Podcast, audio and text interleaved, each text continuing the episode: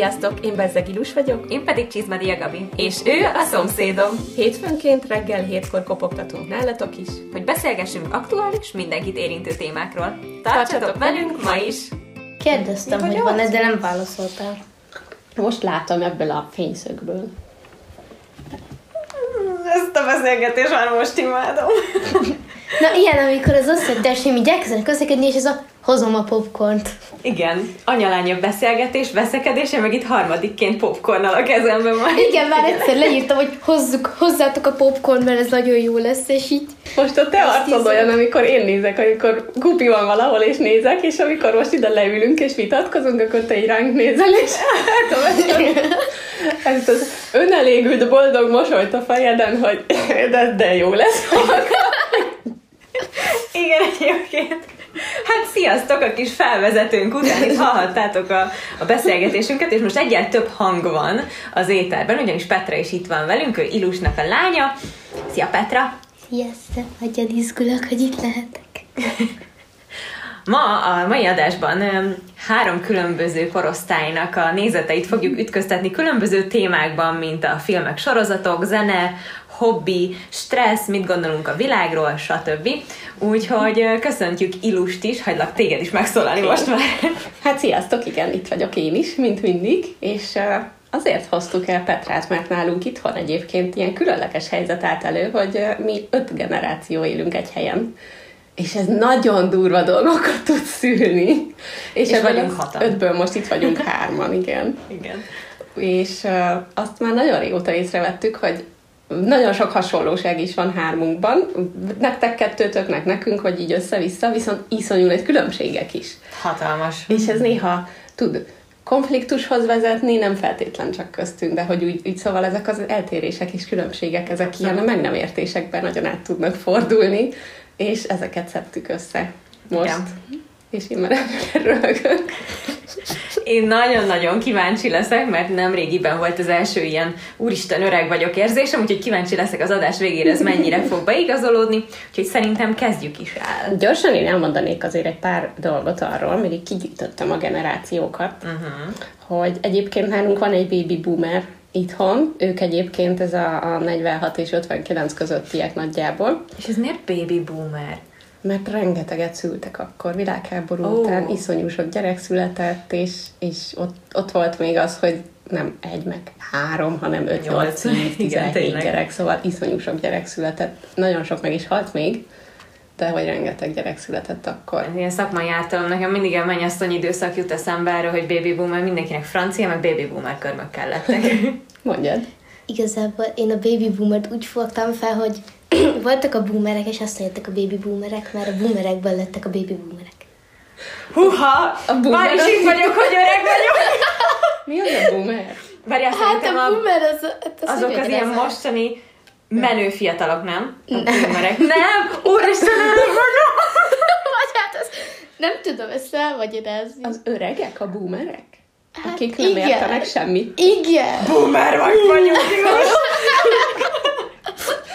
Én ezt már Én ezt így fogtam fel. Én ezt már tőle párszor megkaptam, hogy nem értek dolgokat, szóval boomernek is De számítok. nem De és a boomer az menő, vagy ciki inkább?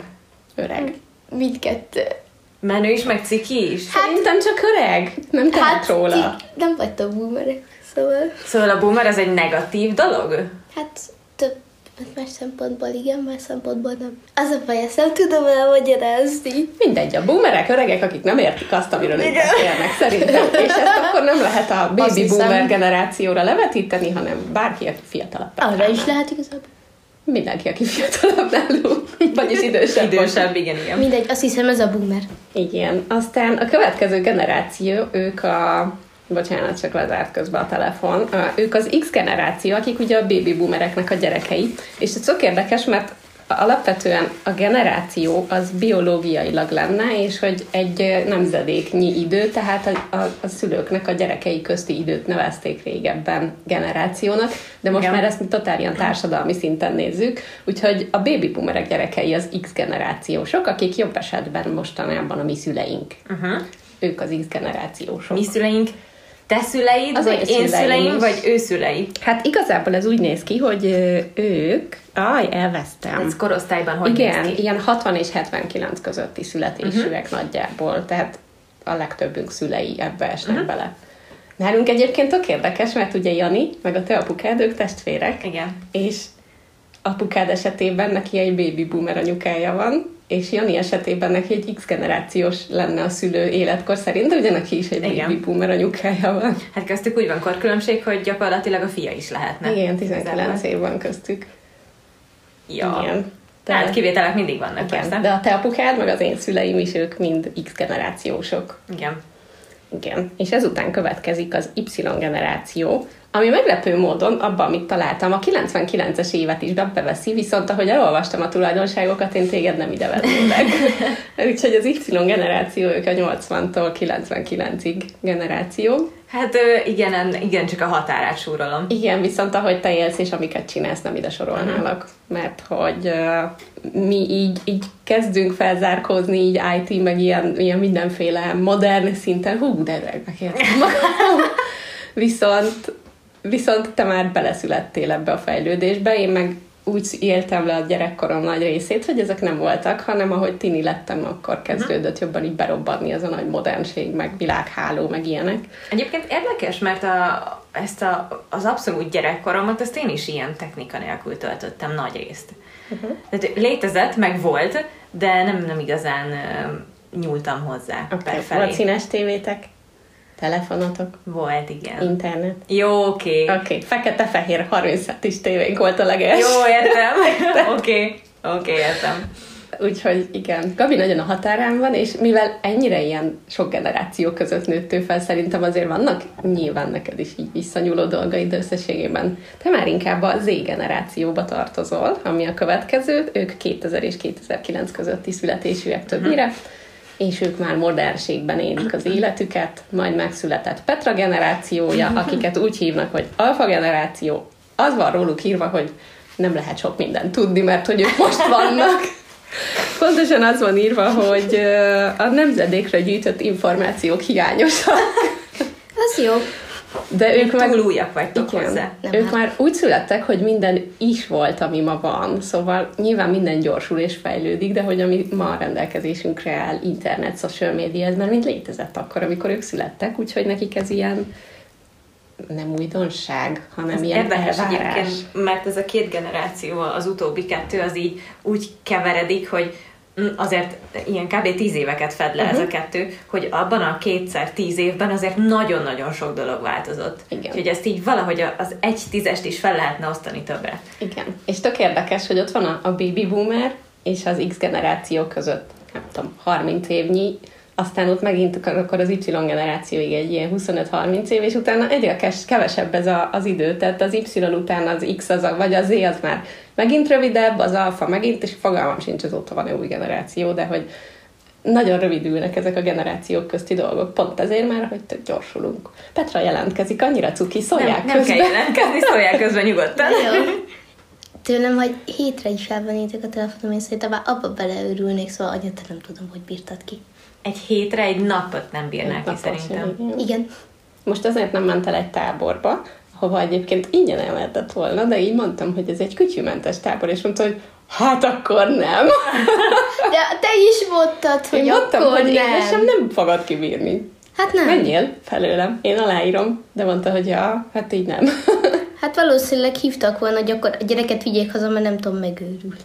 Egyébként ezt nem írtuk fel témaként. Van még generáció? Nincs. Nem, az végigmentem, utóbbi. igen, Petra. Igen, Béka most, nincsen? Béka? Béta. Béta. Hát nem tudom, ennyire nem mentem bele, Béta. az majd lehet nem te gyerekeid lesznek. Vagy a gyerekeim után így. Szerintem az még arrébb Lehet, lesz. igen.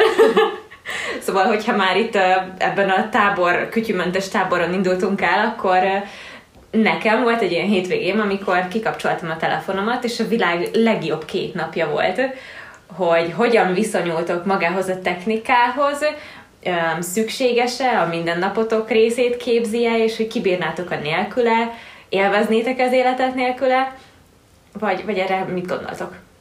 Petra? Nem tudok ehhez még így Nem tudja még. Oké, okay. én úgy vagyok vele, hogy pont egyszer előfordult, hogy aksit kellett cserélni a telefonomba, ez egy hétig tartott, és addig volt nálam egy kölcsön telefon, de hogy így semmit nem állítottam be rajta, se social médiára nem jelentkeztem, csak hogy így, ha kell, elérhetnek. Annyira jól éreztem magam azon a héten, hogy nem olvastam e-maileket a telefonomon, nem csináltam sem. Nem az volt az első, amit reggel megfogtam.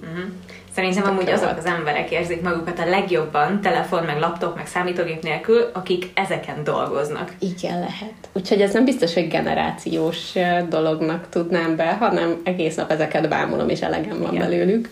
De összességében meg tök jó volt, amikor emlékszem, hogy az unokatesóimmal leveleztünk, mert máshogy nem tudtunk beszélni egymással, és ez tök jó volt, és kicsit ez hiányzik, hogy vártam, hogy legyen a postaládában egy levél, és most meg rám írok valaki Facebookon bárhol.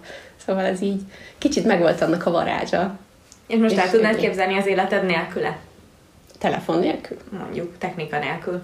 Hát akkor nem tudnám azt csinálni, amit csinálok, szóval nem tudnék pénzt keresni ezzel. De egy ilyen De- világot akkor el tudnál képzelni, nem? Hogy Igen. ezek nem Igen, léteznek. de én éltem is ilyenben, szóval Az akkor igaz. is léteztünk, és nem vesztem el, akkor is voltak gyerekrablások, de, de nem ennyi egyébként. Szóval Én- igen. A apu mesélte, hogy amikor így ilyen tinédzser volt, és akkor megbeszéltek valami programot, nem volt olyan lehetőség, hogy lemondod, vagy még sincs kedvem, vagy tegyük át későbbre, vagy tehát, hogy megbeszéltél valahol, valamikor valakivel valamit, és akkor az igazából oda mentél, és ha, ha nem mentél oda, akkor így akkor nyugtaszt az ember, hogy te most nem jössz, vagy nem is tudom, de ezt nagyon élnék egy ilyen világban egyébként, ahol nincsen ennyire felgyorsulva minden, úgyhogy én nagyon-nagyon adnám, hogyha esetleg ezek a dolgok nem léteznének. Nyilván akkor a munkám sem létezne, meg ez a podcast sem létezne, és most nem hallanátok erről a véleményünket, de nekem nagyon tetszene egy ilyen minimalizált technikai élet. Szerintem sokkal kevésbé lennénk stresszesebbek, de ezt majd kifejtjük a stresszesnél, de Jó. Én egy farmon nagyon el tudnám képzelni magam. Én egyébként szeretem az ilyen, hát én kiskoromban ezt úgy mondtam, hogy nagyon szeretem az ilyen régies dolgokat, de megőrülnék, hogy persze elvennék tőlem a telefont. Igen, ez valóban.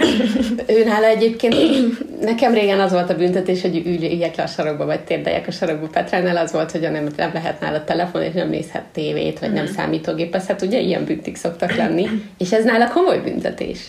Viszont ezt nála úgy van, hogy mi legyen a büntetés, és nagyon sokszor vele találtatom ki, és tök jó fej, mert nem ilyeneket talál ki, hogy akkor most el kell mosogatnom valamit, hanem tényleg olyan dolgokat talál ki, amit tudja, hogy neki rossz uh-huh. érzés. Tehát nem fogom elverni meg ilyesmi, de hogy ezeket ő találja ki sokszor magának, mert tudja, hogy na ez büntetés. Lelkiismeret.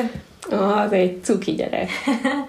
Hogyha rosszat csinálok, az a baj, hogy bennem megszületik a lelkiismeret, és akkor anya, bocs, hallod, ezt csináltam. Ez nem baj, ez tök jó dolog szerintem. De nem szoktam most már leszedni a fejed ilyenekért. Igen, igen. Hát, Mi az, hogy hát? nem vicceltem, Popcorn. vicceltem, Mit csinálok, ha valami rosszat csinál? csak vicceltem. Hát olyan, hogy ilyen, ilyen elkeseredett, vagy nem is tudom, mi szoktam lenni. Csalódott ilyenkor. Hát ilyen csalódott leszel, és akkor látod, hogy én is elszegyelem magad, és magam, és akkor ilyenkor azt hiszed, hogy haragszom rád, és mindig azt mondod, hogy, hogy biztos haragszol rám, és hogy miért haragszol rám, és ott elkezd anya nekem sírni, hogy miért. Igen, utálok papolni szülőként, hogy de igenis, figyelj már oda, hát nem hiszem el neked, csak tényleg tanulnod kell, értsd már meg, utáltam, amikor ezt mondták, de így van, és akkor mindig mondom neki, hogy de, de nem hiszem el, hát tényleg, most mi a franc volt annyira fontos, hogy nem tudtál tanulni, meg volt a dolgozat kérdése, és írsz egy szar dolgozatot, meg minden. Három, És akkor meglátom a fejét, hogy ő mennyire szarul érzi magát, és elbőgöm magam, hogy én most lecsesztem, és milyen rossz érzés.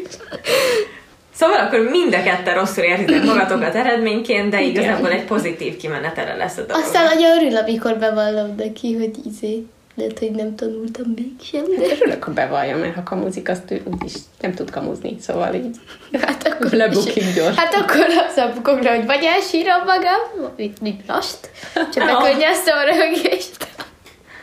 Na most a titkaidat felfededem. Uh, Hát ez van. Mm. Le, muszáj. Na, jó, sokat felvezettünk. Igen. Úgyhogy mit szóltok, ha megyünk akkor az elsőre? Igen. Hát menjünk. Menjünk. Filmek és sorozatok az első témánk. Igen. Én nem tudom, erre hogyan gondoltál, úgyhogy szerintem Jó, akkor én kezdem. Um, nem feltétlenül az a kérdés itt, hogy mi az, ami, ami a kedvenced, mert az lehet teljesen más, és igazából Petra meg én tök szeretjük az ilyen sötét, ijesztő filmeket, te meg egyáltalán nem, úgyhogy ezt én nem generációs, hanem személyiségi dolognak tudnám be, hanem inkább milyen típusú filmek, uh-huh. vagy mik azok a filmek és sorozatok, amik úgy meghatározzák a te generációdat, amit, amit emiatt szeretsz, mert az akkor volt uh-huh. olyan. Jó, hát nekem, ami egyébként sokkoló is volt, hogy Petra azt tudta, miről beszélek. Nekem ilyen nagy gyerekkori, ilyen tini sorozatok voltak a Hannah Montana. Várjál, tegnap elindítottam Disney Pluson, és olyan szemcsés szar képarányba indult és én néztem, hogy Úristen, ez így néz ki! De egyébként ebben ez is annyira jó, hogy rossz a képarány, rossz a képminőség, Igen. és annak is van egy olyan jó hangulata. Most utálni fogsz, de én kikapcsoltatta magával ezt a sorozatot. Igen, pont tegnap volt. Az is nem érdekli. kikapcsoltatta. Hát jó, szóval Hanna hát. mondta, nem? A lelkem, a szívem, úristen. Bocsánat, belegyilat. Hát az én szívembe is. hát azért kérdezem. Hannah Montana volt a H2, amit még teljesen Az jó, az, az mondjuk Na, jó. köszönöm, ezzel most javítottál egyet. Azt én is néztem. Na, tessék, akkor ja, közös pont. Vele ja, együtt akkor nem nyilván, közös pont. De tetszett. Amúgy. Volt egy ilyen, ilyen mesejellegű varázslatos iskolabusz. Azt egyszerűen imádtam. Azt ismered? Én igen, szerintem ő nem emlékszik rá. A Minimaxon ment, azt hiszem. Imádtam a Minimaxot. Igen. Te Kiskoromban én is. Akkor ez volt, igen. Hát, ja.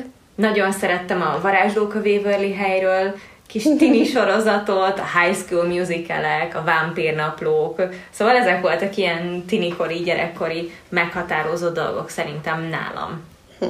És filmekben volt valami, ami ez a a korosztályos film, és mindenki látta, és imádta, vagy szerette, vagy, vagy nem tudom, majd mindjárt elmondom, hogy miért kérdezem el. Hát az alkonyatok, szerintem.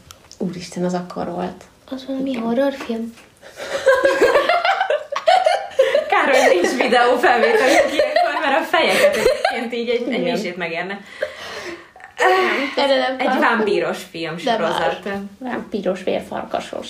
Nem várok. Pedig van egy olyan nagy alkonyat, és ez elméletileg ilyen horrorfilm, csak azért kérdeztem. Kategóriának elvileg az. Horror. Hát halnak meg benne emberek, és így megharabdálják Ilyen őket. thriller, horror-szerű dolog, igen. Szerintem egyébként az volt így a generációnak a nagyon meghatározója, meg a High School musical talán. Uh-huh. Ú, tényleg az is. Igen, tehát hogy emlékszem, hogy még táncon is azokra a zenékre táncoltunk, meg a tanárunk is ment, a jazzórás tanárunk ment el még megnézni, és akkor arra talált ki valamit, úgyhogy ezt a kettőt mondanám. Uh-huh. Meg hát uh, szerintem egy ilyen örök, azt uh, szerintem mindenkinek volt egy időszak, amikor nézte az én barátok közt. Azt szerintem minden létező generációnak közös pontja. Te tudod mi az? Barátok mi? közt? Igen. Jó. De nem szerettem. De nézted? Hát nem, mert nem szerettem. Egyszer-kétszer belenéztem, de nem, nem Szerintem, mire ő nézte, addigra Magdi anyus már nem is volt benne. A... Pedig azok voltak az igazi barátok köztes időszakok. Igen, azok a szappanoperás, drámás, ó, uh-huh. esték, emlékszem. Párizsiba a kefirrel és kenyérrel. Ez így egy meghatározó része volt. A párizsi kefíres, oké. Okay. Hát ezzel szemben, mondjuk nekem, uh, filmekben is és sorozatokban is volt igen meghatározó. Én még végignéztem a Dallas-t. Az oh, mi? Úr. De az mi? Én erre csak úgy emlékszem, hogy um, még a szüleim nézték, amikor pici voltam. Tehát emlékszem, hogy uh-huh. ment a mhm. tévében, amíg én csináltam valamit, meg az ilyen helyszínelők, meg Dr. House, meg uh-huh. ilyesmi. Na, én ezeket imádtam, úgyhogy a, a Dallas-t én végignéztem, a leges legutolsó epizód fel van véve videókazettára, a 94-es foci VB döntő meccsének mm-hmm. a mhm. végére. Ezt is tudom, hogy így van a videókazetta, mert mindent vettünk mindenre. És tudom, hogy mindenki azt találgatta, hogy tudtuk, hogy Joki halálával lesz vége a Dallasnak, de hogy hogyan? és, és senki nem találta el szerintem egyébként. Úgyhogy az ilyen abszolút szappanoperák berobbanása volt az én gyerekkoromban, az ilyen igazi Paula és Paulina, Esmeralda, ezt így tolták, szerintem minden adón orbaszájba ment, és gyakorlatilag ezeken is nőttem fel, Vadangyal, nálam az volt a Natalia Oreiro, Mhm. akkor volt így nagy sztár, úgyhogy nekem volt kazettám is tőle. Imádtam a kazettákat. Igen, úgyhogy igen, ilyen vadangyal, meg ilyesmi korszakok voltak sorozatokban, ide szó, igen, mi volt még? Ja, Nekem- meg hát akkor volt még így a Friends, amit én Aha. imádok, tehát Ez az jó. ilyesmi jellegű sorozatok is akkoriban mentek, meg a vészhelyzet, meg tényleg. ilyenek. Úgyhogy nagyon sok olyan sorozat ment, amit szerintem most is néznek a sokkal fiatalabb, meg fiatalabb generációk is, mert rohadt jók voltak akkor is, és még most is. Ezek ilyen időtálló sorozatok. Igen. Egyébként nekem még eszembe jutott kettő, ami szerintem még időtálló egyébként, és akkor ment, amikor én voltam teenager. Az egyik a Gossip Girl volt, a másik pedig a Sex és New York. De egyébként a Sex és New York sorozat az már nem akkor kezdődött, szerintem már akkor elkezdődött, amikor még talán nem is születtem meg. Igen, lehetséges. De a filmek is például, szóval az is ilyen nagyon meghatározó, és talán örök. Igen, szerintem az is abszolút ilyen, meg így mindenki tudja, kik ők, ki Samantha, ki Kerry, Igen. mit csinál, miért vannak ilyen rohadt jó ruhái egyébként. Filmekben viszont nálunk szerintem, ami borzasztóan hódított, ezek a tini filmek, mint Csaj nem jár egyedül, tíz dolog, amit utálok benned. tényleg. És hogyha Abszolút. voltak benne valami táncos jelenetek, mint mondjuk a csaj nem jár egyedülbe, akkor szalagavaton tudja, hogy legalább egy osztály azt táncolta. Úristen, tényleg. Meg a Step up a Honey, Az már később volt kicsit. Nekem. nekem volt. Ja, neked igen. volt, igen. De hogy az, az rengeteg, tehát szerintem így kb. hetente jelentek meg az ilyen szerelmes leszek, a gázcsajba szeretek bele, de a izé, jó pasit csinálok be, egy csomó ilyen Tényleg. film volt, orba szájba ezek. Meg hát egy csomó más film is, de hogy így kategóriájában szerintem a mi generációnknál ezek voltak a meghatározó filmek. Na Petra, te jössz. Neked mi Egyébként én így csak így ültem, és így néztem, hogy ti most miről beszéltek, mert semmit nem értettem. Oh, A szappanopera se tudom, hogy mi. Semmit nem ismertél azok közül, amiket meséltünk, vagy mondtunk? Hát a Filmeket, Sex és New sorozatokat? Yorkról csak hallottam, de nem tudom, miről szól. Csak nem így tudom. Gyerekek vagyunk, mi? Azt még talán nem most kezd el nézni. Nem akarom. Na, nálatok mi az, ami Hát- hát, filmben, sorozatban azt gondolod, hogy a te generációt szereti ezeket nézni? Hát a Földeg ilyen, hát nem ilyen nagyon horrorosan ijesztő, ami ilyen 18 pluszosan ijesztő, hanem az ilyen, amiben vannak para jelenetek. de Na, hát- mondjál na. ilyet. Hát például a Stranger Things is ilyen. Oké, okay, az nagyon ijesztő, Petránál szerintem más a mérce, mint nálunk. A Stranger Things egy parasorozat. Ne. Oké. Okay.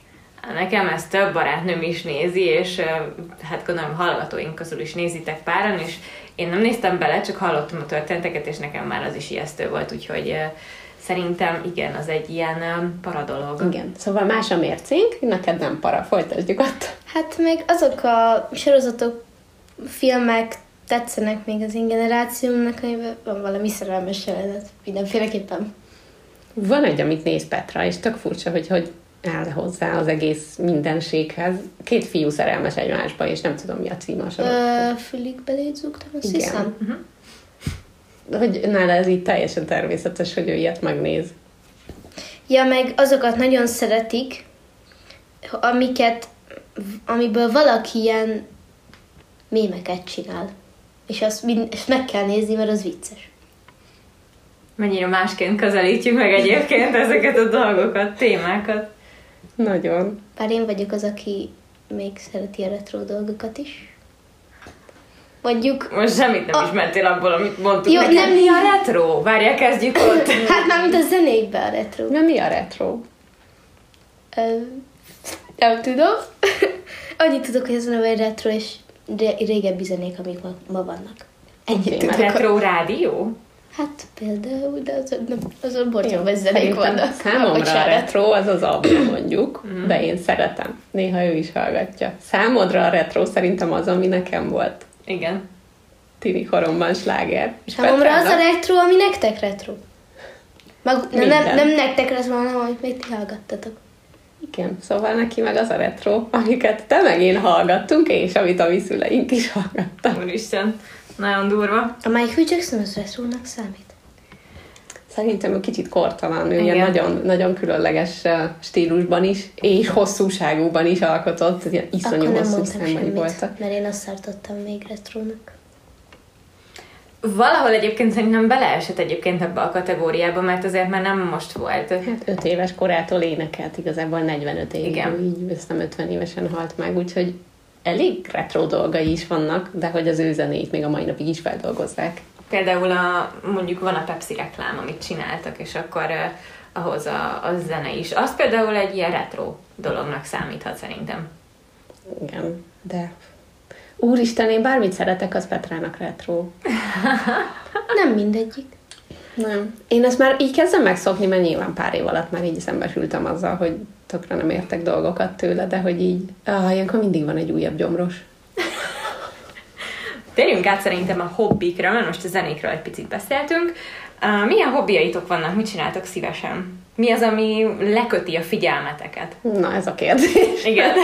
Hát nekem a rajzolás, csak amikor van hozzá ihletem, mert És ez a bármennyi időt képes vagy eltölteni? hát hogyha van hozzá ihletem, akkor bármennyit tudok uh-huh. rajzolni, de van, amikor így nem tudom, mit csinálják, semmihez sincs kedvem, és ez a nem köt le semmi, és ez a nézem a plafont, mit csinálják. Uh-huh. Nem tudom, nekem változóak a hobbiaim. A rajzolás az egyetlen, ami úgy fixem van. Meg a sminkelés. Valamennyire. Itt Jó. akkor van kapcsolódásotok, azt hiszem. A sminkeléssel? Hát ja. Én így, kény, hát nem kényszerből sminkelek, mert amúgy nem szeretek annyira Mhm. sminkelni. Szóval én így muszájból sminkelem magam. Pedig tök érdekes így a csatornád. Nyilván én néztem a csatornádat azelőtt is, hogy megismertelek, meg hogy ide költöztem, de hogy én tök azt gondoltam, hogy ez neked egy ilyen must-have dolog. Az volt, abszolút az volt.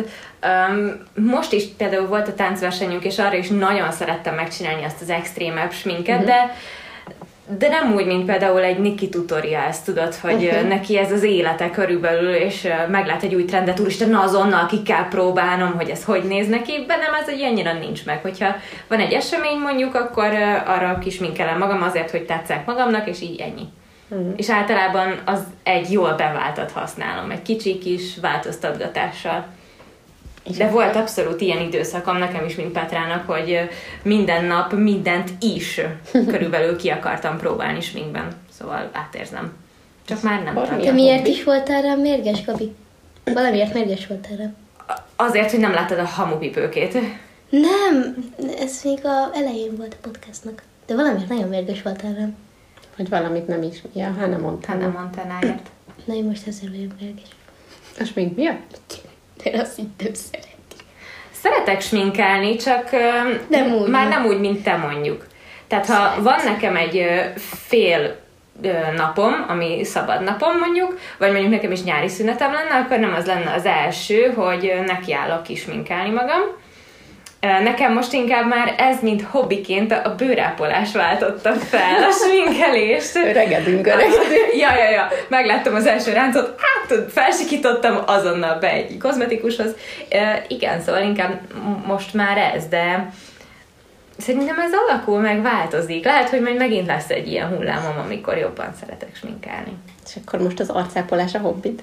Hát nagyon szeretek arcápolni, azt nagyon, nagyon kedvelem. Most elég csúnya bőröm, úgyhogy nem látszik, de nem baj. Nagyon szeretem a különböző hatóanyagok vadászását, meg ezt a témát nagyon csípem. Meg hát különböző hobbi, nekem abszolút a tánc egyébként, ami így le is köt teljesen, és sokszor az a bajom egyébként a sminkeléssel, hogy nincsen visszagombom.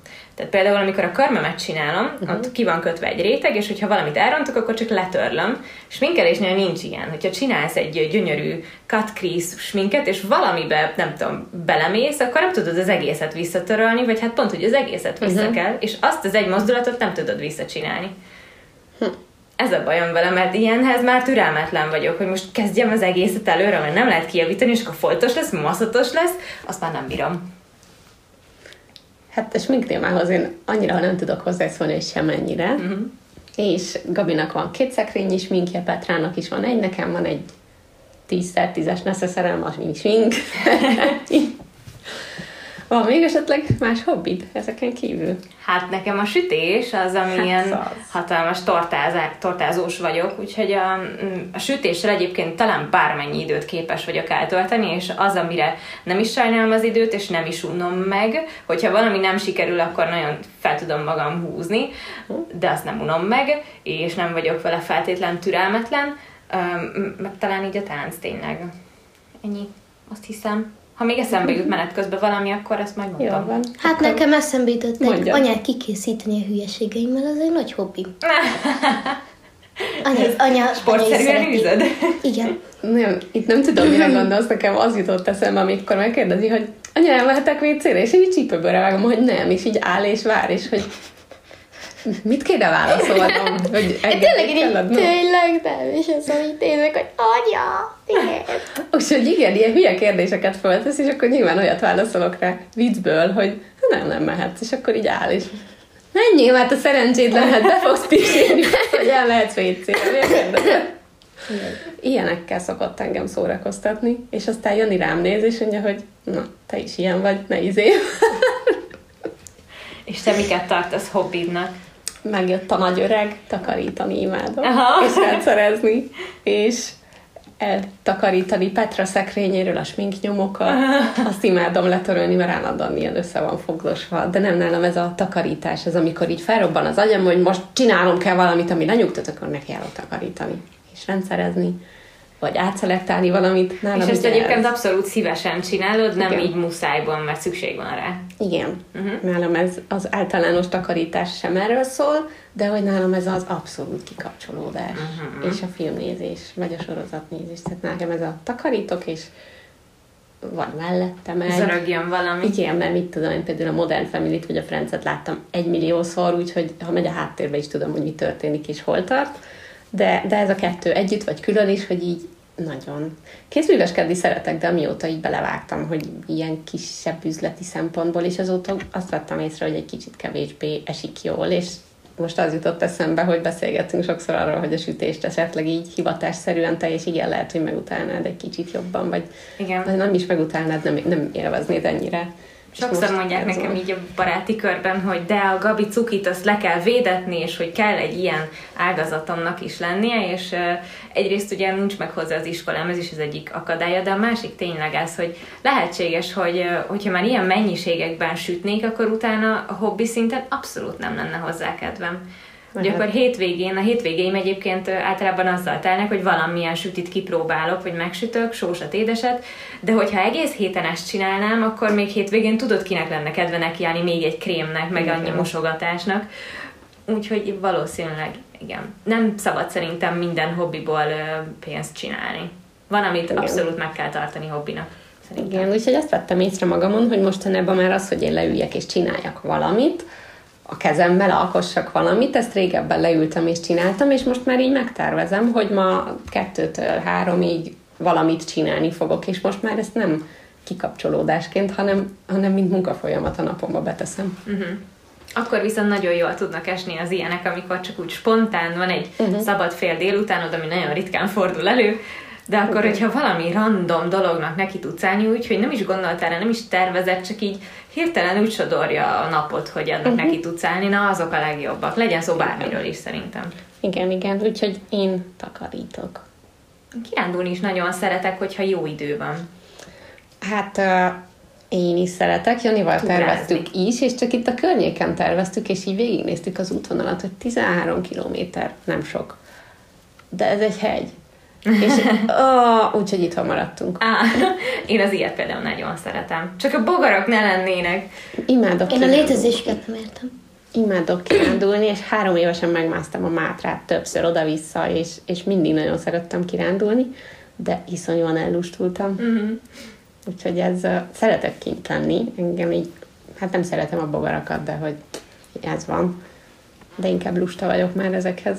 Ha nem lesz 40 fok, majd elmegyünk kirándulni. Én libegőzni akarok, de te nem mersz felülni. Petra már volt, de... Én felmerek ülni. Te mer? Aki mondta? Valaki mondta, hogy nem. Hát én félek a magasságtól, de semmi rossznak nem vagyok elrontója, mindig kipróbálom, aztán rájövök, hogy nem. Én el akarok menni már három éve libegőzni, csak Menjünk. a Akkor menj. Covid, mert ott van egy ilyen rétesező is ott fönt a tetején, ott el Emlékszem, azt mesélted.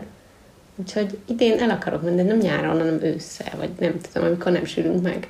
Jó, rendben. Jó, rendben. Akkor Megyünk. megyünk. Van egy olyan dolog, amit fölírtunk kérdésnek, hogy mit gondolunk, vagy látunk a világból, hogy mi, erről az egészről a, a gondolatunk, hogy, hogy milyen ez a mostani világ, vagy, vagy mi történik vele, mert szerintem ez is tök érdekes olyan szempontból, hogy ki mennyit és mit látott eddig belőle. Úgyhogy Petra, ehhez írt is magának kis jegyzetet, és szerintem az lesz a legegyszerűbb, hogyha így sorban kapcsolódunk majd hozzá. Te? Hozzátehetem a fóbiámat? Tegyed.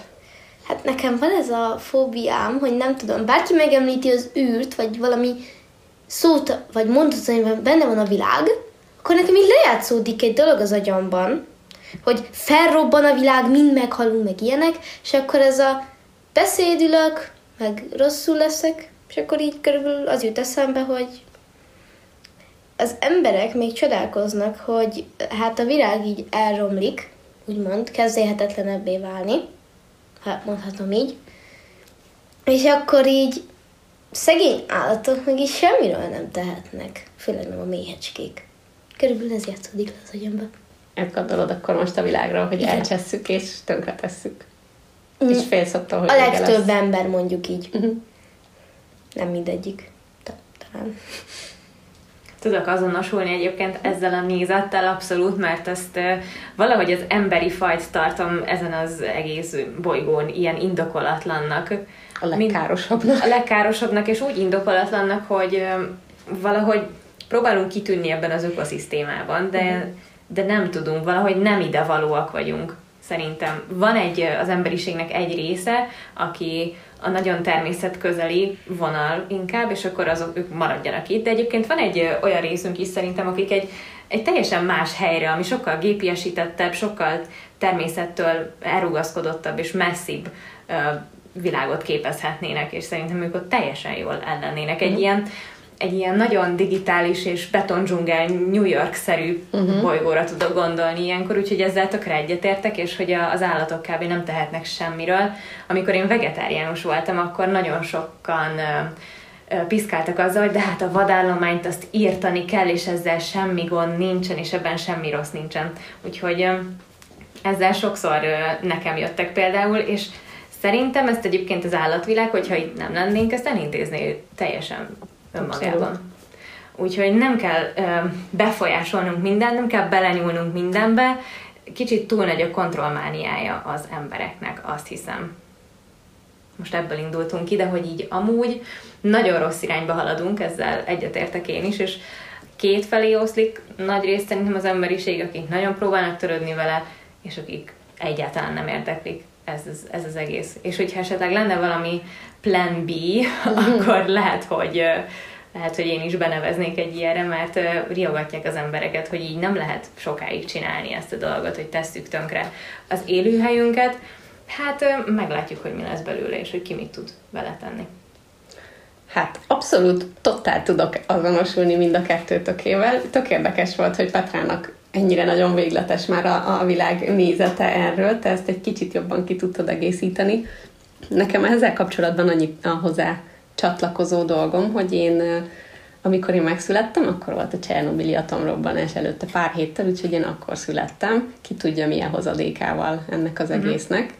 Valószínűleg elég sokkal, mert hogy akik akkoriban születtek, elég sok furcsaságunk van nekünk, ami nem normális a mi korunkban, úgyhogy ha nincs is igazolva, biztos vagyok benne, hogy az, hogy ott még mindig sugárzás ért minket, az eléggé Uh-huh. gáz.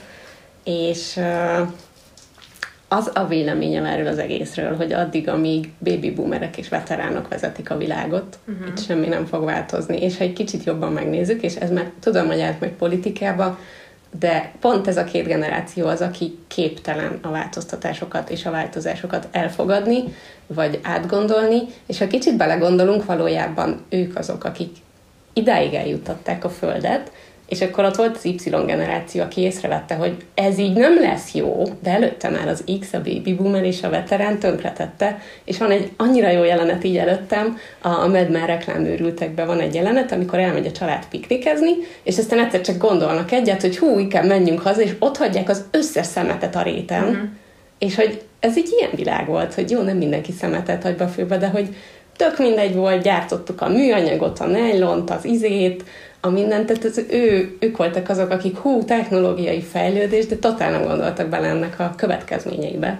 Abszolút egyetértek. És akkor így megszülettünk mi, és akkor mi meg már azt kaptuk, hogy felrobbannak az atomerőművek, meg tönkre megy, meg szar a termőföld, meg nincs elég élelem, meg túlnépesedünk, mert 17 gyereket kellett szülni végén, meg ilyenek, akik nyilván tovább szültek ugyanannyit, és akkor még mindig ezek az öregek vezetik a világot, és amíg ők vannak a világ élén, azt kell mondanom, hogy amíg ők nem halnak ki, addig ez szerintem nem lesz jobb.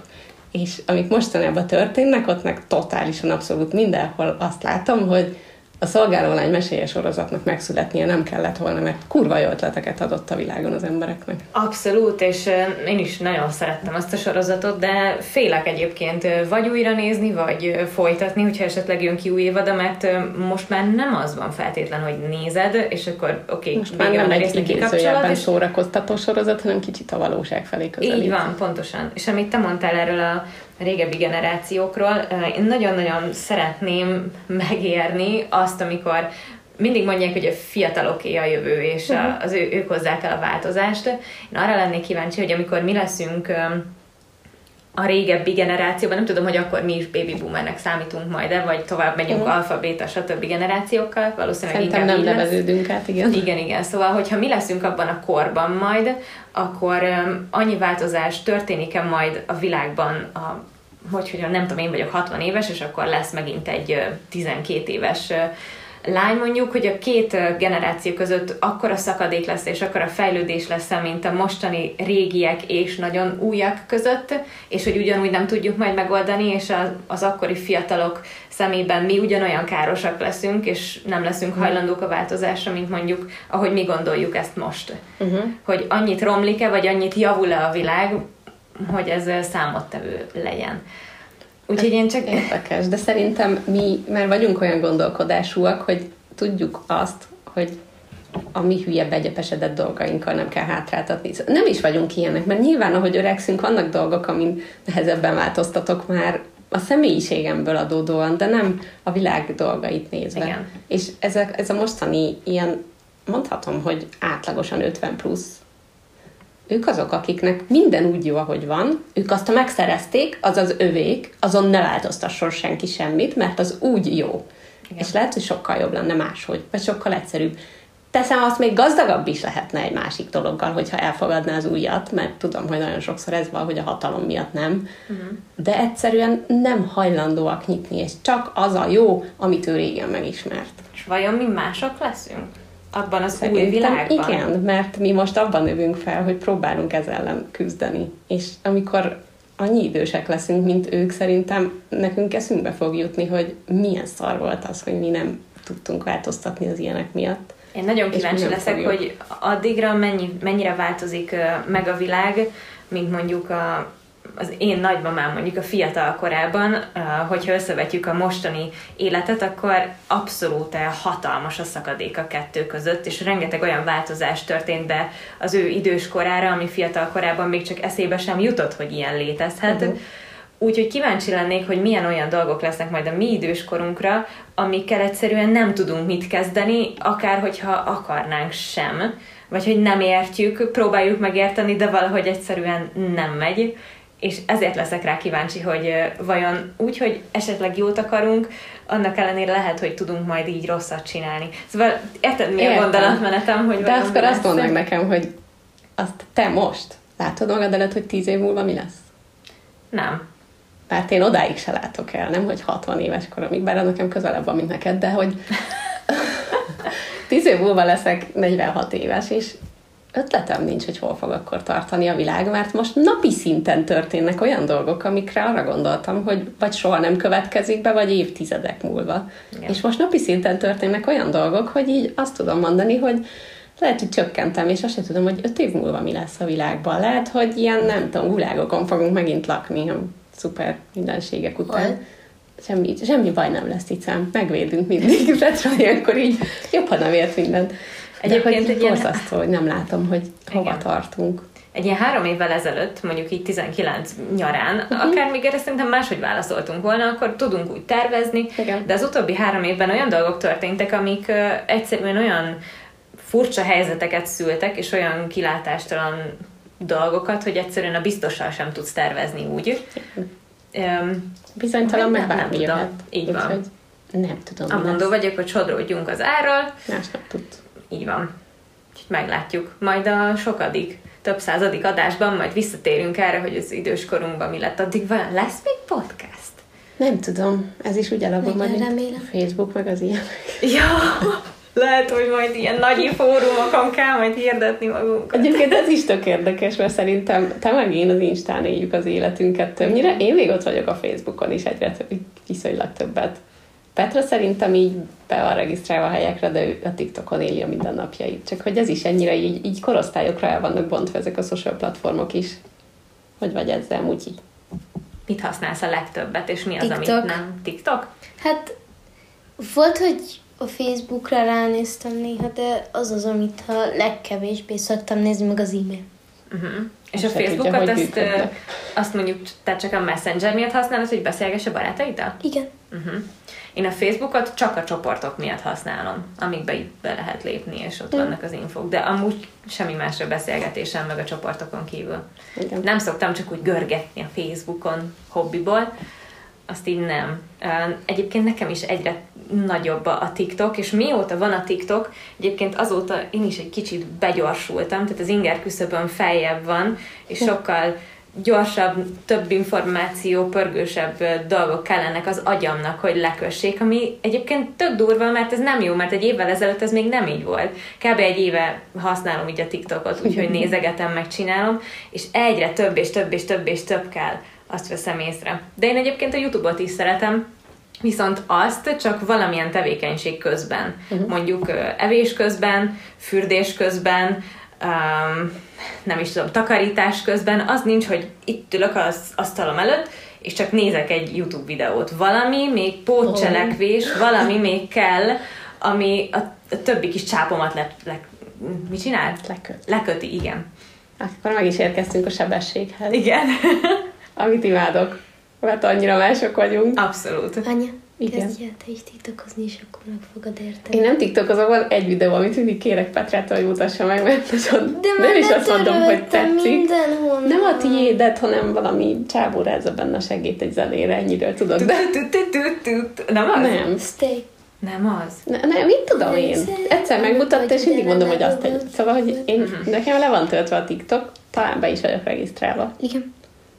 És De mi nem. az, ami miatt nem akarod használni? Nekem van egy barátnőm, azt mondta, hogy egyébként tetszik neki, viszont azért nem akarja használni, mert nem akar még egy olyan platformot, ahol elcseszi a fél napját.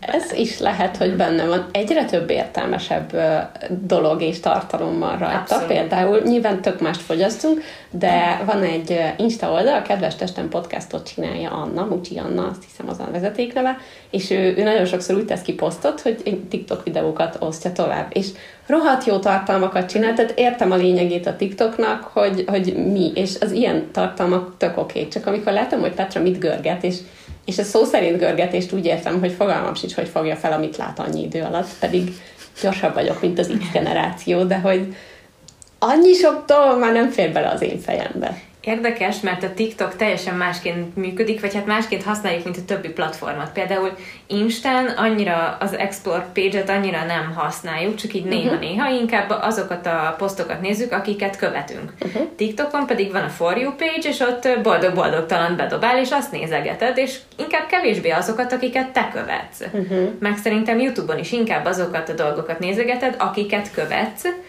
Úgyhogy itt a követés meg követetlenség szerintem a legnagyobb különbség. És azért látsz olyan dolgokat is, amiket nem feltétlen akarsz, mert hogy itt mindent is bedobál. Aztán majd az alapján dobálja az algoritmus a dolgokat, hogy miket nézel, és akkor abból egyre többet. Oké, okay, szóval lehet túl sok, tényleg túl sok olyan dolog jön ott szembe velem, nagyon ritkán. És az a baj, hogy tényleg volt, hogy akkor így beszippan, mert nem tudod nem nézni a dolgokat, Abszolút. mert olyan gyorsan jön, hogy ah, rövid lesz, már megnézem ezt is, meg ezt is, meg ezt is, hogy így ott ragadsz fél órára, órára. És aztán nekiállsz délben, és ott maradsz másnap kettőig. Igen, de Petra így nagyon durván tolja, és látom a szemén olyankor, hogy cikázik, mint az őrült, hogy így információfeldolgozás. Én föl se fogtam, hogy képernyő váltódott. Ő neki meg minden pixelét már felmérte a szeme, és nagyon durva látni, amit művel a szemében, majd egyszer megmutatom Gabinak, hogy nézi a képernyőt, és egy álló kép van, és neki a szeme cikázik a képernyőn, föl, le, oda, mindenhova. Nagyon durva. Ez az elemzés, tudod, minden pici részletét ki kell elemezni annak, amit látsz. De hogy így ránéz, ezt így megcsinálja egy ezred másodperc alatt, és görget tovább. Én még meg se láttam, hogy mi van a képen. Nagyon durva. Na és Petra, neked vannak még más platformok, amiket használsz? Hát nem nagyon. Insta, YouTube, azt így nem? Hát YouTube-ozni azt szoktam, de Instázni Na, az azt már annyira háttérbe. gyakran nem. És egyébként így a korosztályotoknak, mondjuk az osztálytársaidnál így mi a jellemző, hogy ö, mindenki a TikTok, és más mondjuk Insta, YouTube, ilyesmi, azok nem? Komolyan? Néha Insta, de... Úristen, Meg a könyvek. vagyok, nem már, basszus. Nem. Ma tíz éve azért, ó, Tehát csak azt mondom, hogy a TikTokon, a TikTokon, a TikTokon, a TikTokon, ezt meg azt láttam. de durva. Te úgy nézed a YouTube-ot, pont mondtad, hogy így, így ben, megy, de hogy közben csinálsz más. Petra gyakorlatilag háttérnek teszi be, mint mondjuk én a Francet. Aha. Én meg leülök YouTube videót nézni, és akkor nézem, ami történik a videóban. Vannak ilyen jellegű videók, amit én is csak, Igen. csak nézek, de közben kell mondjuk, hogy egyek, vagy, vagy valamit tudjak csinálni. Mert olyan rossz érzés, hogy csak közben nem csinálhatsz, mert közben csak így Igen, mert van egy figyelemközpontod, ami csak így, csak így, úgy, most hullámzok a kezemmel, hogy így szabad, és nincsen lekötve. Én nagyon élvezem, hogy nem kell más dologra figyelnem, annyi mindenre kell figyelnem állandóan, hogy tök jó, hogy csak, csak arra figyelek. Vagy Én egyébként a vezetéssel is így vagyok, hogy csak a vezetés nem köti le 110%-osan a figyelmem, úgy sem, hogy nyilván mindenre figyelek közben. Uh-huh. Kell valami plusz mellé, zene, podcast, rádió, uh-huh. valami, ami így még külön azt az egy csápot, azt így leköti. Jó, azt én is szoktam hallgatni, de, de például nagyon sokszor baromi hangos az autóm, úgyhogy nagyon sokszor úgy hallgatok, hogy telefonálok, hogy be van dugva a fülhallgató, de csak az egyik fülembe van bedugva, a másik mindig szabadon van, mert túl sok hülye van az úton, és én szeretem hallani, ha nyikorgó fékhang vagy, vagy ilyesmi van, Ja, és akkor persze. ilyen félfüllel, de, de igen, ott, ott így szeretem én is. A, a nagyon csönd az az én esetemben azzal jár, hogy ez a fülsüketítő csönd. Uh-huh. Van ez a kifejezés, amikor így szétrobban a dobhártyád a csöndtől, én ezt nem bírom, úgyhogy ha csinálok valamit és nem nézem a kijelzőt, akkor is beszoktam tenni ilyen zenéket, és akkor valami ilyen, ambient hangokat mondok uh-huh. a háttérben, Szóval nekem valami zaj, az kell, és én nagyon sokszor észrevettem, például tanulásnál is, hogy én ehhez kötöttem, hogy tudtam, hogy igen, amikor igen. ezt tanultam, akkor ezt hallottam, és, és így össze tudtam kötni dolgokat, és most is kötök dolgokat a hangokhoz, és csöndben nem megy. De, Abszolút, ezek nagyon jó emlékkörzők egyébként. de szeretek ha lehet egy dologra figyelni. Abszolút multifunkcionális tudok lenni ilyen téren, de, de egyszerűbb, ha nem. Én sokszor tanultam egyébként úgy, hogy volt egy olyan parfüm, amit nem igazán használtam, és amikor valamit maromira meg kellett jegyezni, de az Istenért nem ment, akkor, akkor az ujjamra, vagy a csuklomra, vagy valahova fújtam abból a parfümből, miközben tanultam, és amikor mondjuk annak a dolgozatára kellett készülnem, akkor aznap mielőtt megírtuk, szintén befújtam a csuklómat azzal a parfümmel, És és így, jutott. igen, az ilyen emlékőrző, és akkor azzal az illattal jöttek az infók is. Tök jó. Hallod? Hát igen, csak te megtiltottad nekem, hogy nézhessek közbe videókat, és úgy nem tudtam tanulni. Ez mondjuk nagyon durva, tehát hogy akkor nem az van, hogy a videóra figyelsz? Nem. Közben figyelek a tanulásra, csak anya mindig azt hitte, Igen, én azt hittem, hogy te Jó, néha volt, hogy csak így néztem a videót, és nem voltam hajlandó tovább tanulni, mert Ah. kikészültem. Igen. Szóval, hogy így nem, nem értettem, és aztán kérdeztem, hogy néztetek-e közönöz, és anya mondta, hogy nem, mert arra fogok figyelni. Mondtam, hogy nem, hanem ez így nekem így kell, és nem hitted el. Nem, de most már jól van, megértettem. Mondjuk egyébként ez Mondjuk nem tényleg baj. durva. Én azt sem értettem sokszor, hogy mondjuk zenével hogy lehet tanulni, olyan zenével, aminek van szövege. Uh-huh. Um, a sima mondjuk egy ilyen hegedű szó, vagy ilyesmi, arra tudtam, mert akkor nem vonja el a szöveg az a figyelmemet, de mondjuk azt nem tudtam volna elképzelni, hogy egy, egy film mellett tanuljak, mert akkor jönnek a szavak a fülembe, és akkor simán lehet, hogy a, nem tudom, hogyan veszítsünk el egy pasit tíz nap alattnak az egyik tipje jön majd be, nem tudom, valamilyen dolgozatnál, hogy ott az volt. Neked ilyen nincsen? Nincs. Hát én így külön választom, az egyik fülemmel lesz, a másik fülemmel az. De érdekes. Wow. És baromi gyorsan tanul, át is vágtunk a tanulásba, ugrálunk itt a témák között. Hát mert amúgy egy 10-12-t fölírtunk, de a tanulás is az egyik ilyen, hogy egyrészt hogy állunk hozzá, és mi a véleményünk róla, mert nyilván Petra tanul, Hol Gabi nagyon van nemrég még tanult, én 18 éve érettségiztem, szóval különböző élményeink vannak a, a tanulással kapcsolatban. Fú, én erre iszonyatosan mérges vagyok, mert szerintem bizonyos kor fölött nem is kéne, hogy legyenek tanárok. Lehetek, lehetek népszerűtlen, nem érdekel, bizonyos kor fölött nem kellene tanítani, és magát az iskola rendszereket is borzasztóan át kéne alakítani, mert konkrétan ugyanaz van, mint 50 éve volt, és semmi nem változott az égvilágon. Úgyhogy nagyon-nagyon meg kéne reformálni a dolgokat, nem kéne minden szart is ráröltetni a gyerekekre, amit nem szeretnek, nem akarnak. Nyilván legyen egy alapműveltsége mindenkinek, tudja a dolgokat, de nem kell minden egyéniségből egy ugyanolyan kocka sorozatgyárat csinálni, és emiatt én nagyon mérges vagyok, mert engem egyébként ez a rendszer lelkileg totál kicsinált, és ezt pontosan tudták. Úgyhogy emiatt erre nagyon-nagyon mérges vagyok, és van egy YouTube csatorna, az Itt van Amerika csatorna, Gombos Edináik csinálják, és ők bemutatták, hogy az ottani iskolarendszerek hogyan működnek, és beszéltek róla, hogy vannak állami meg magániskolák is, de inkább az állami iskolákba a pénzügyileg kicsit rosszabbul álló családok tudnak bekerülni, és nagyrészt a- az átlag vagy az átlag fölötti családok azok állami vagy magániskolákba járnak, és megmutatták, hogy ott hogy néz ki egy iskola, hogy néz ki egy oktatás, milyen lehetőségek vannak, és minthogyha konkrétan egy másik bolygóról jöttek volna a dolgok, és minthogyha a jövőből érkeztek volna, pedig az a jelen. Igen. Nekik az a jelenük. És egyszerűen nem skatujázzák be a gyerekeket, nem kényszerítik rá dolgokra, hogyha valaki valamiben sokkal tehetségesebb, akkor nem tudja egyszerűen ráröltetni a másikra mondjuk a humán reál dolgokat. Uh-huh. Mindenből legyen egy alaptudás, én is azt mondom, de amit nem annyira muszáj, ne erőltessük már rá, mert hogyha valaki egyszerűen mondjuk nem jó a reál dolgokból, az életébe kb. soha nem lesz az, ha meggebed benne, akkor sem. Nyilván nem lesz építészmérnök az, aki hülye a matekhoz. Pontosan. Igen, úgyhogy kb. ez a véleményem róla, hogy egy baromi nagy reformra lenne szüksége. Mi kicsiny országunknak, és még sok Mi másnak kicsiny is. országunknak ez tetszik. És te, Petra? Mit gondolsz? Hát nekem az a véleményem, hogy én nekem vannak tantárgyak, amiknek értem az értelmét, hogy mire kell, uh-huh. de vannak tantárgyak, amire azt mondom, hogy mondjuk nem, ebből nem kell 8 évnyi tanítás, vagy 4, Még. attól függ. 12? Igen. Vagy 18? meg azok a tantárgyak, amiknek semmi értelme, és nem érted, hogy miért vannak. És ez a, tudod, hogy soha nem fogod használni, és ez a miért van. És ezt már te is tudod, hogy nem fogod Igen. használni, pedig még, még nem választottál szakmát, meg Az semmit. egyenleteket sem értem, hogy mire fogom használni, mert ma már mindenre van adat. Soha nem használtam Én sem. csak mióta az egyenleteket.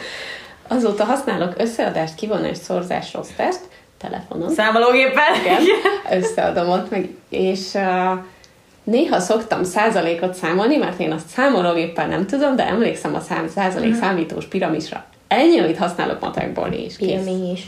Szerintem Igen. tök jó lenne, hogyha figyelembe vennék azt, hogy hogy a gyerekeknek milyen az egyéniségük, és hogy miben jók, és hogyha azt mondja valaki, hogy mi szeretnék lenni, ha nagy leszek, nyilván, hogyha valaki azt mondja, hogy én leszek az új amerikai elnök, tehát hogy nem ilyenre Mhm. gondolok, de hogy irányzatokban, hogyha valaki Igen. érdeklődik valami iránt, akkor azt vegyék figyelembe. És most egyáltalán nincs figyelembe véve. Most az van, hogy ha nyolcadikos vagy, felvételizhetsz egy olyan helyre, ami kicsit jobban érdekel talán, és Akkor... Ugyanazt fogod tanulni, mint az összes többi, és lesz Pontosan. egy év, amikor nem azt tanulod. Igen. Vagy lesz egy plusz tantárgyad, ami kicsit másabb. Ebben kéne valami változás, Egyébként hogy ezt én is gondoltam. Na, ugye? Tehát, hogy legyen egy alaptudás mindenből, de azt fejleszték inkább, ami sokkal jobban te vagy. Egyébként Akkor mindenféleképpen a művészeti tantárgyakat választanám. én tök örültem volna, ha Petra Waldorf iskolába tud menni. És nekem az az iskola, és, és nagyon sok hülyelmény, meg mindenféle születik a Waldorfosokról, amivel én nem feltétlen értek egyet. Nekem volt ismerősöm, akinek oda jártak a gyerekei, és Nekem azt van. kell, hogy mondjam, hogy iszonyú jól életre nevel az az iskola. Tehát arra tanít meg, hogy ha kimész a nagyvilágba és éled a felnőtt életedet, akkor hogy tudsz boldogulni. Abszolút. És valószínűleg ezáltal nyilván kevesebb az alaptudásuk uh-huh. egy ilyen iskolában végzetnek, bár ezt sem feltétlenül gondolnám, de én ezt fontosabbnak tartanám. azzal szemben, mint amit kapnak. És ez olyan nevetségesen hangzik, de hogy egy óvodásnak is megtanítják, hogyha sétálsz az erdőbe, ezt megeheted, ez mérgező. Igen. Ezt megeheted, ezt ne fogd meg, nem lesz tőle bajod annyira, de ne edd meg inkább. Ez ilyen madár, ez olyan madár, erre vigyázz. Mennyivel hasznosabb ez, mint az, hogy logaritmus számít, csak fogalmam nincs, nem tudnám megcsinálni. Igen, hogyha a jelenlegi oktatásokból mondjuk kikerülsz a nagyvilágba, nem tudsz semmit. Igen. Magáról az élet. Hogyan kell csekket befizetni, hogyan kell vállalkozást indítani ezeket, tehát hogy ezekről abszolút semmi tudásod nincsen, hogyan keres albérletet, hogyan kell szerződéseket írni, semmiről Igen. nem kapsz semmilyen információt. És sok esetben a szüleid se tudnak segíteni, mert ők sem nagyon tudják. És nem tudom, neked volt most ilyen tantárgy, hogy életvezetés, vagy rosszul emlékszem? Fogalmam nincs. nincs. Életvitel és gyakorlat volt, de aznak semmi köze nem okay, volt hozzá. de hogy ha valamit így hívnak, akkor legalább szólna arról. De tényleg, Igen. hogy annyi felesleges dolog van. Például Petrának egy régebbi iskolájában, mert ő iskolát váltott, volt egy tantárgy, olimpia ismeret. Uh-huh. Oké, okay, hogy sportosztályba járt, oké, okay, hogy olimpiák története, mennyivel hasznosabb lett volna egy bármilyen más óra, ami az életről szól. Igen. Hogy egyáltalán nem, nem tudom, csak arról, hogy, hogy mi mész át, mint tinédzser hogyan leszel felnőtt? Mi, mi fog változni? Tehát így lehet, hogy akkor nem várnák az emberek úgy a 18-at, mert azt hiszik, hogy az egy csodaszám, hanem tisztában lennének vele, hogy betöltöd a 18-at, és onnantól felelősséggel tartozol mindenért. És ezt, ezt miért mondják el nekik? Nem tudom, és tök jó lenne, hogyha mentális egészséget kis, kicsit belevennék a, ezekbe Ó, a dolgokba. Igen, úgyhogy egy csomó olyan totálisan felesleges tantárgyat tanítanak heti egy órában, tehát ez a semmi értelme nincs ami nyilván egy tanárnak ad egy állást, de hogy szerintem a tanárok is tudják, és, és nagyon sokan képezik is magukat tovább, van, aki nem, de hogy, de hogy tudnának átmenni olyan irányba, hogy értelmesebb dolgokat tanítsanak nekik. Abszolút. És egyébként mennyire szeretnétek ti tanulni? Jó, nyilván Petra most tanul, neki nincs választása még, de hogy te már nem vagy így kötelezve, meg én sem. De én például baromira kezdem érezni azt, hogy szeretnék valamit tanulni, amit nem, nem úgy, hogy leülök a gép elé, és utána nézek, hanem hogy uh-huh. oktatás jellegűen tanulni akarok valamit. Én abszolút nagyon szeretnék egyébként így, hogy már nem kötelező. Uh-huh. Tehát ami kötelező valami, addig szerintem mindig egy kicsit ilyen rossz ízzel csinálja az ember. Vannak dolgok, amik nagyon érdekelnek, de egyébként pont a, a dietetika volt egy olyan dolog, amit két barátnőm is elkezdett, és vagyis hárman kezdték el, és ketten ott hagyták, mert mondták, hogy egyáltalán nem olyan volt, amire számítottak, és, és a végeredménye nyilván ugyanaz lesz, viszont a harmadik lány is, aki csinálja, ő is mondta, hogy egyébként nagyon durva milyen dolgokat tanulnak, és hogy gondolkozik rajta, hogy ez valóban megérje, hogy rengeteg túl sok töltelék tárgya van, úgyhogy nem is feltétlen egyetemben gondolkozom most uh-huh. már, hanem valamilyen képesítésen, csak ugye most az OK-éket, ezeket így nagyon nagy átalakulóban van, uh-huh. és mhm. a 700 szakmában maradt 170 talán, de egyébként abszolút szívesen tanulnék még, csak egy kicsi reformálás annyira kéne, annyira nagyon kéne. De jön nektek, hogy ti ezt már eldönthetitek? Igen, Petrával most állunk az iskola választás előtt, hogy hova felvételizzünk, mm. és rohadt nehéz. Abszolút. Igen, Petra talált egy kozmetikus képzőt, de én sem preferáltam annyira, de, de annyira az apukája sem preferálja. Miért? Nekem Majd elmagyarázom. Nem egy szuper iskola. És most én például itt nálunk épül egy középiskola, ami egy alapítványi iskola, vagyis hogy nem alapítva, szóval nem állami iskola, hanem ilyen, nem tudom, nem is magániskola, de hogy minimális fizetendő tagdíj van, de én azt mondtam, hogy annyiba kerül, hogy azt utazásra elkölteném neki, és ha találnánk itt olyan szakot, akkor meg tudjuk kímélni attól, hogy ő most négy vagy öt éven keresztül hajnalba kelljen azért, hogy bejusson az iskolába. Egyébként érdekes, mert nekem ez annyira sokat elvet belőlem, az, hogy napi szinten két-három órákat utaztam, csak azzal, hogy odaérjek meg vissza, már annyira sokat kivette egy nap belőlem, hogy 5-20-kor keltem, és mondjuk délután fél hatra értem haza, és akkor utána álljak még neki mindennek, hogy ha esetleg addigra már kész lett volna itt nálunk egy középiskola, akkor biztos, hogy azt választom, uh-huh. mert iszonyú sokat kivett tényleg maga ez az utazgatás. Kereken 300 méterre laktam a gimnáziumtól. Jó, oké. Okay.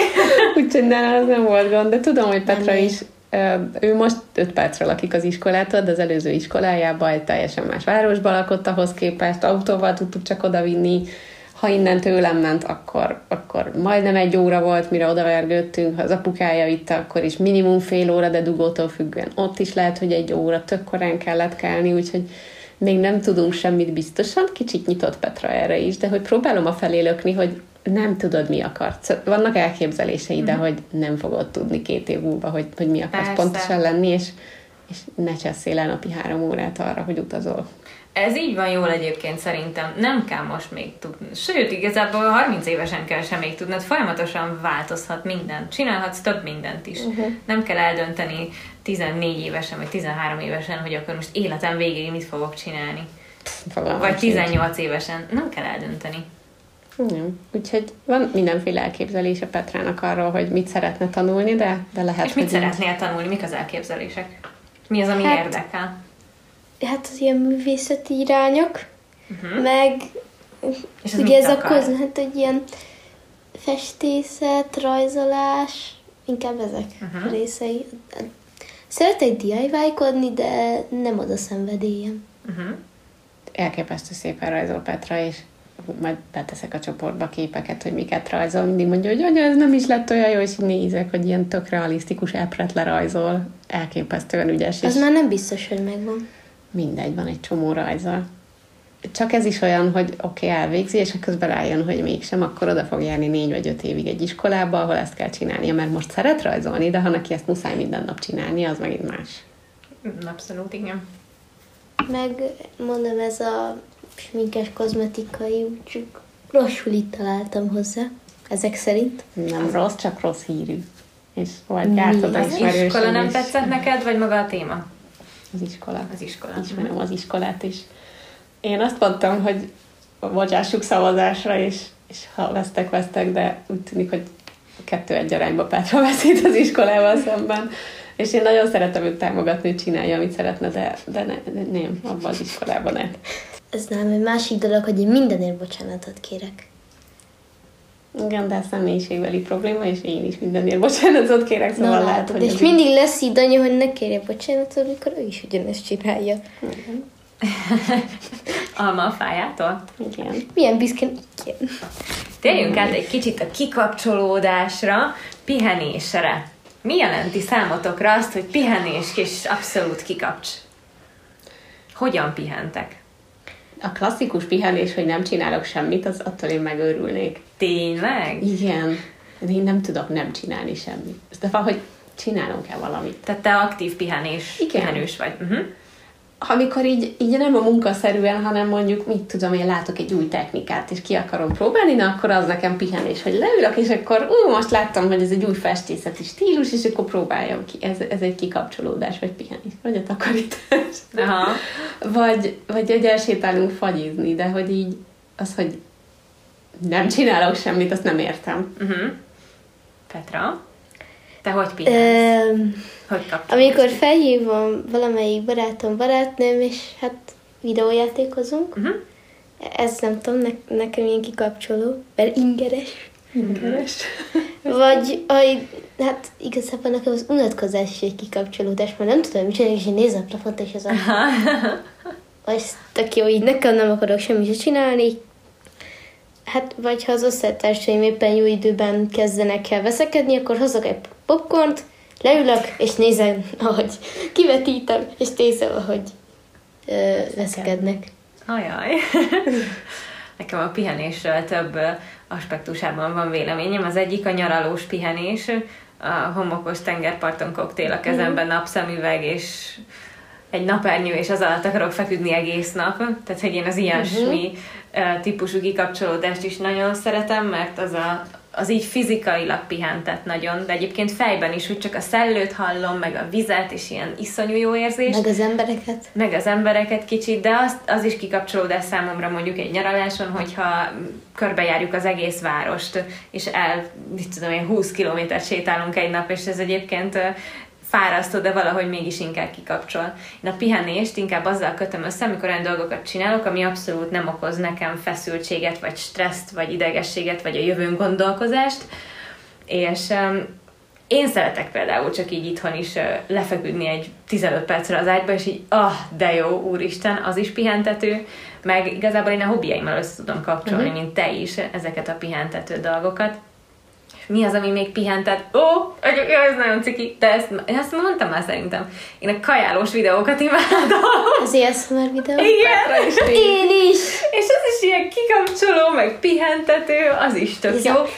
És nagyon szeretek kozmetikushoz járni. Van egy Isten király kozmetikusom, Barbie, és ő annyira nagyon jó, amikor bemész hozzá arra az egy órára, ő gyakorlatilag így megmasszírozza a vállad, a fejed, ilyen gőz, olyan izé, és annyira jó. Én hozzá nem is feltétlen azért járok egyébként, hogy szebb legyen a bőröm, hanem az élményért. Ott egy kicsit az agyam így elveszít minden stresszt, és az is nagyon-nagyon pihentető. Meg a masszázs, az ilyenek. Fú, basszus, ilyen olcsóbb kikapcsolódási dolgokat kéne találnom, azt hiszem. Igen, én megoldok mindent itthon. Egyébként az jutott eszembe, amikor mondtad a nyaralásokat, hogy nem nyaraltál gyerekkel, per Janival. Gyerekkel nyaralni? Nem pihentető, és utoljára, amikor Petrával így hosszabb nyaralásra is mentünk, ez Horvátországban volt, tengerpartról, tengerpartra, csomag, pakoljunk össze, reggelizzünk, együnk, ez minden csak nem pihentető, legalábbis számomra nem volt.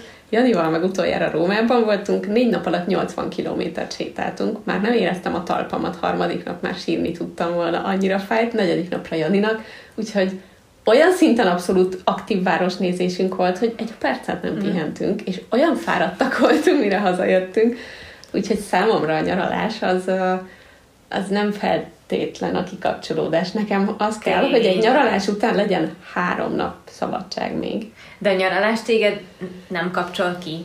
Nekem a nyaralás alatt az van, hogy figyelni kell arra, hogy hova akarunk menni, mit akarunk menni, minden legyen nálunk, legyen kaja, hogy szóval, hogy na, igen. Azt a...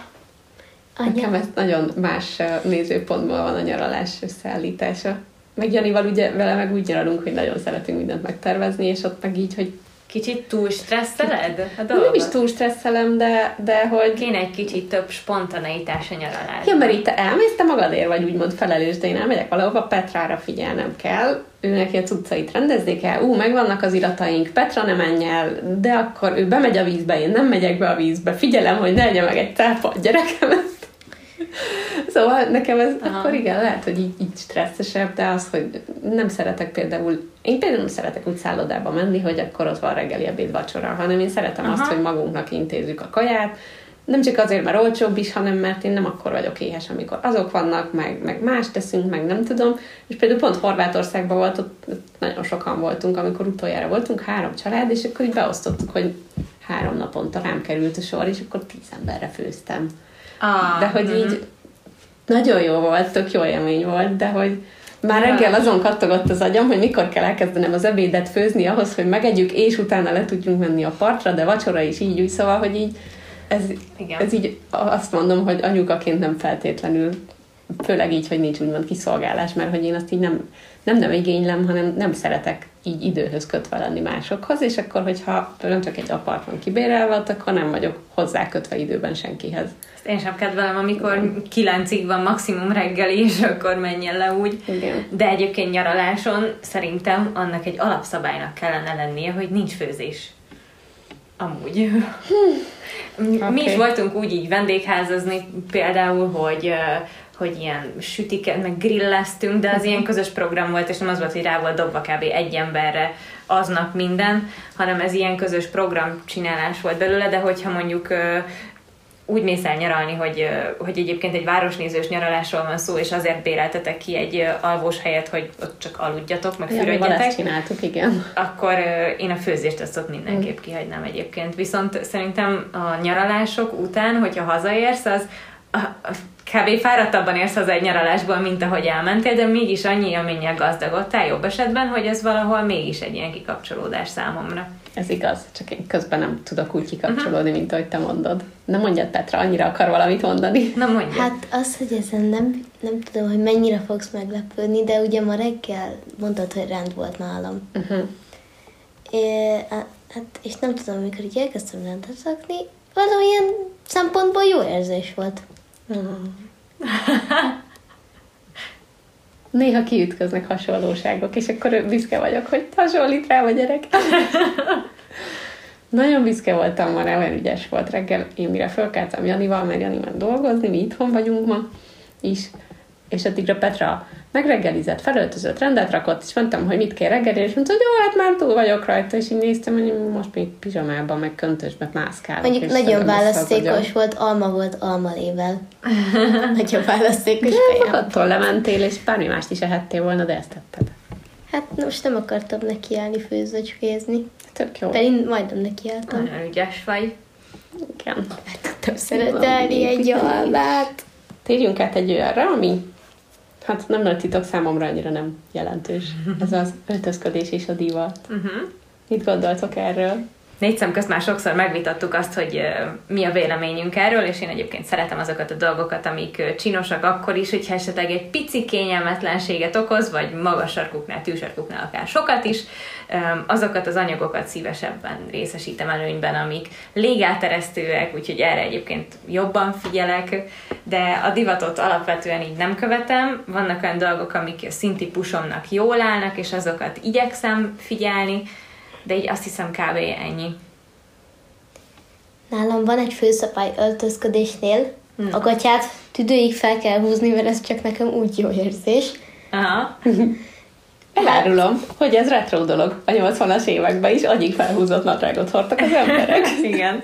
Ezért kértem? Én ennek egyébként baromira örülök, mert én nagyon felfázós vagyok, és utáltam mindig a, az ilyen csípőnadrágokat, mert legugoltál, és akkor jaj, nincs kinn a bugyim, nincs kinn a félságem, nincs kint semmi. kint van akkor is, ha nem guggolsz le Ah, borzasztó, én ezt annyira utáltam Igen. az érzést is, és az, hogy így a csípőcsontom tetejébe belekapaszkodik a nadrág, és onnan így nem megy annyira lejjebb, annyira jó. Hmm. Én így nőttem fel, hogy csípőnadrág. Annyira csípőnadrág, hogy éppen nem látszottak ki a nemi szerveink. Igen. kb.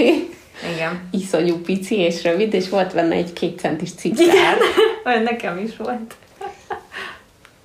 Hát nekem még az is hozzá, hozzá van, hogy vagy oversize póló van rajtam, uh-huh. vagy haspóló van rajtam.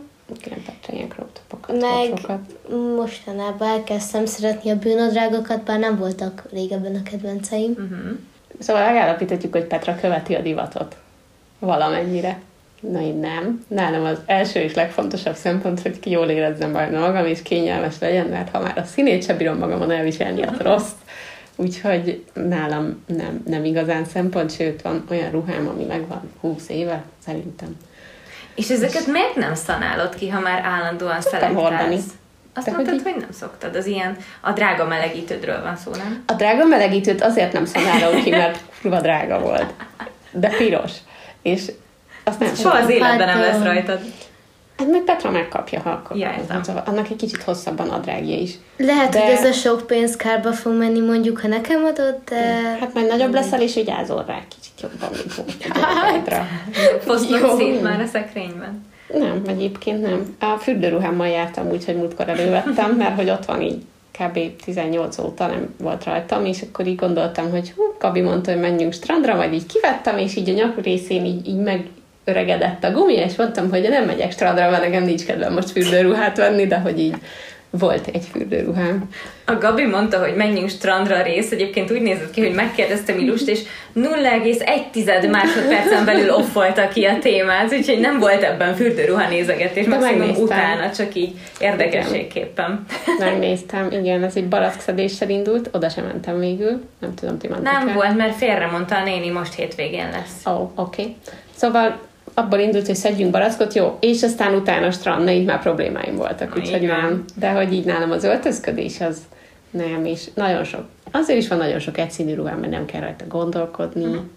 és hogy így tökre mindegy, változik a divat. Lehet, hogy most éppen ma nem divatos a szürke, de két éve az volt, és öt év múlva megint az lesz, hogy nem érdekel különösebben, hogy így csak ezért Igen. én nem fogok ruhákat cserélgetni, nekem ez jó, nincs baja, ha baja van, vagy nem hordom, eladom, vagy odaadom a hugomnak, ha olyan, vagy nem tudom, hogy így nem érdekel különösebben. Ilyen szinten én sem követem egyébként a divatot, hogyha amikor végigmentem az ilyen Handenberska uh-huh. ilyenekben, és kezd visszaélni ez a 70-es, 80-as évek uh-huh. mindene, és egyébként van, ami tetszik belőle, de pontosan tudom, hogy kb. egy év múlva senki nem fogja felvenni, és csak ezért, hogy, hogy valami divatos, azért nem fogom megvenni, hogyha valami nagyon tetszik, azt meg fogom venni, és addig hordom, ameddig nekem az tetszik. Nem addig, ameddig Még divatos. várok egy kicsit, akkor mindjárt beírom az én tili koromat így a divatban, és Ennyi. akkor tök jó leszek, és akkor nagyon divatos leszek.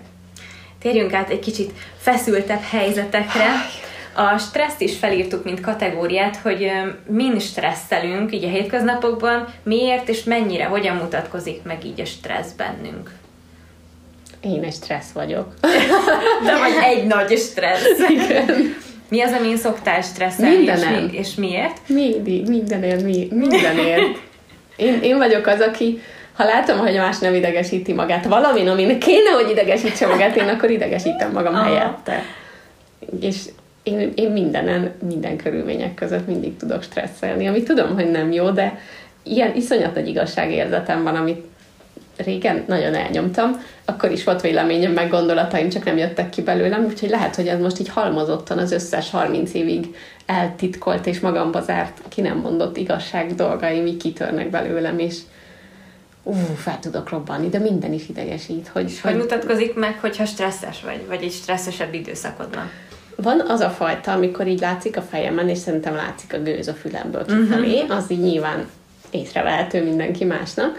Van az a fajta, amikor így felmászom magam nagyon valamin, és akkor csak annyi látszik az arcomon, hogy póker arc.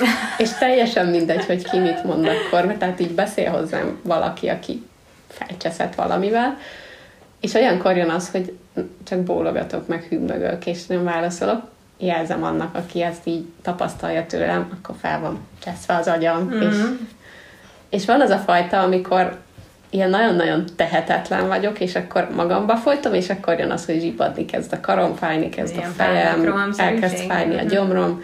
A pánikroham az egy sokadik fázis szerencsére az nem volt nagyon rég, de van olyan fokozata is a, a kiborulásainknak, amikor pánikroham. Az inkább ilyen lelkileg megterhelő dolgok után szokott lenni, amit, na a lelki dolgokat, azt, azt próbálom nagyon nem, nem mutatni kifelé, mert az, az inkább engem érint valahogy, de az, amit a legrosszabbul visel a szervezetem, és ha nagyon sokáig próbálom magamba tartani, előbb-utóbb pánikroham lesz belőle. Á, igen, ez stressznek az elfolytása sosem jó. És sokszor mondják, hogy a stressz az megbetegít és fizikai tüneteket is tud Igen. okozni.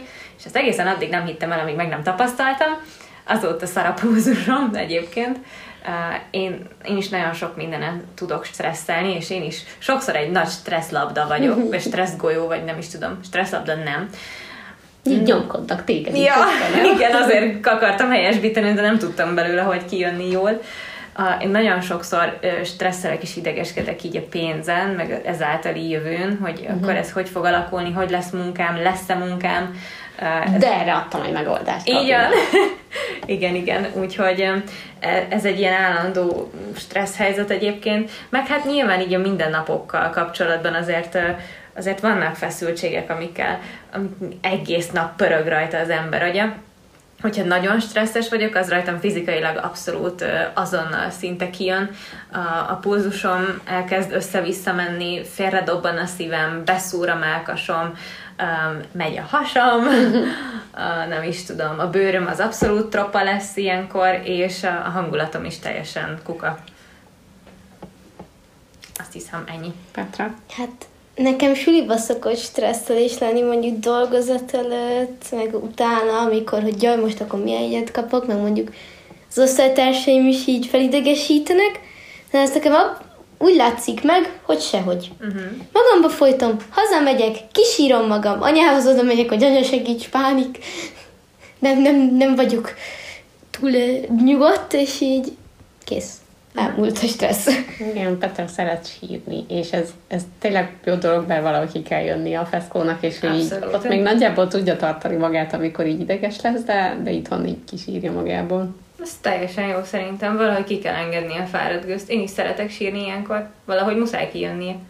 És ezt nagyon sok, főleg férfiak szokták mondani, hogy nem lehet ennyit sírni, miért sírsz, és hogy így ezt akkor mint nők el tudjuk mondani, hogy mert muszáj, ott jön ki a stressz. Igen. Hát valahogy le kell vezetni. Ennyi, folyékony, cseppfolyós állapotú lesz, és kijön, nem tudsz mit csinálni. De hogy így olyan érzés, mintha ilyen nyomás lenne a fejedbe, és így a sírással megszűnik, vagy nem tudom, sírni Igen. kell.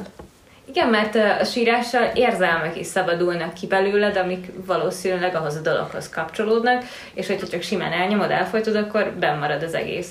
És ha így tudod levezetni, akkor így, így tök jó, hogyha kijön.